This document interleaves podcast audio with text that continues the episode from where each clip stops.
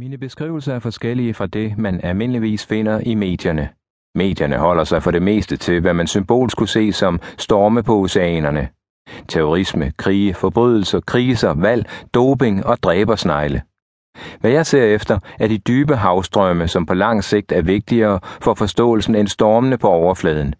Befolkningstilvækst, miljø, klimaforandring, økonomisk vækst, holdningen til kvinder, atomvåbenspredning – her beskrives de indirekte gennem familiernes holdninger.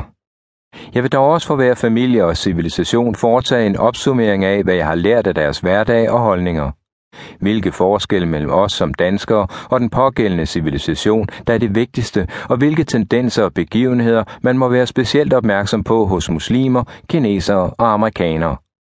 Det skulle give læseren rig lejlighed til at drage sine egne konklusioner. Og de vil ikke nødvendigvis være de samme som mine. Jeg forsøger ikke at være objektiv og neutral. Min erfaring har lært mig, at USA er et bedre land at leve i end både Ægypten og Kina. Den amerikanske drøm om en velstående, retfærdig og demokratisk verden lever stadig, og Barack Obama er indbegrebet af den. Der er ikke nogen tilsvarende egyptisk eller kinesisk drøm. Men hvilke konklusioner er jeg så nået til? Lad mig trække dem skarpt og provokerende op. 1. Islam er i sin nuværende form en syg og fejlslagen civilisation. 2. Kina har hjulpet en halv milliard mennesker ud af fattigdom, hvilket er verdenshistoriens største bedrift. 3. USA er bedre end sit rygte og bliver endnu bedre under præsident Obama.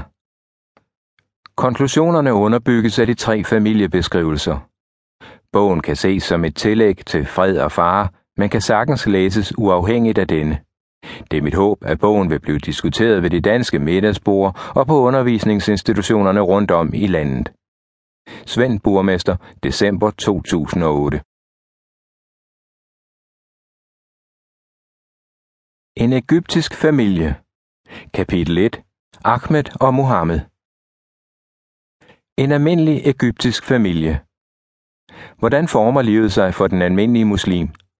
Så langt er det næppe forsvarligt at drive generaliseringen. Han eller hun eksisterer simpelthen ikke.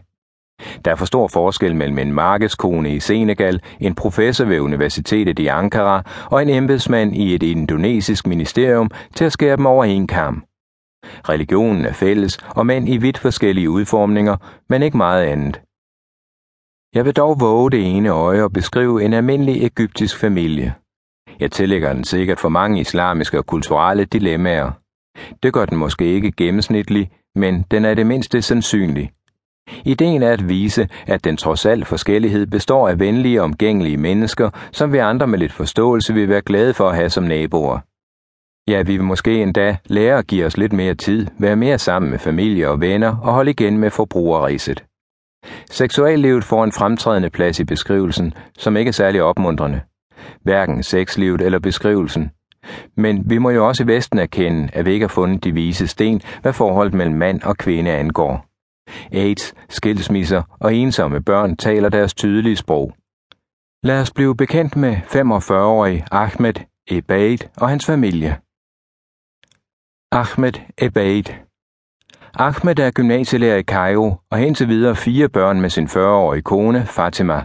Som de fleste af sine landsmænd er Ahmed normalt en glad mand, glad for sine børn og hele sin øvrige familie, der ustandsligt kommer på besøg og under højrystet latter sidder og fortæller vidtigheder under den nødvendige tedrikning omkring spisebordet, og glad for sine venner.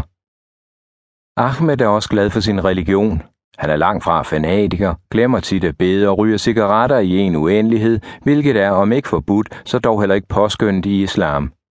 Mens han strengt overholder fasten og aldrig rører alkohol eller svinekød, kniber det lidt med at få den obligatoriske almisse på en 40 20. del af formuen leveret til imamen i moskeen. Men islam giver ham tryghed og sikkerhed. Efter hans mening kan folk i Vesten godt beholde deres højt besungne frihed, lighed og individualisme for sig selv.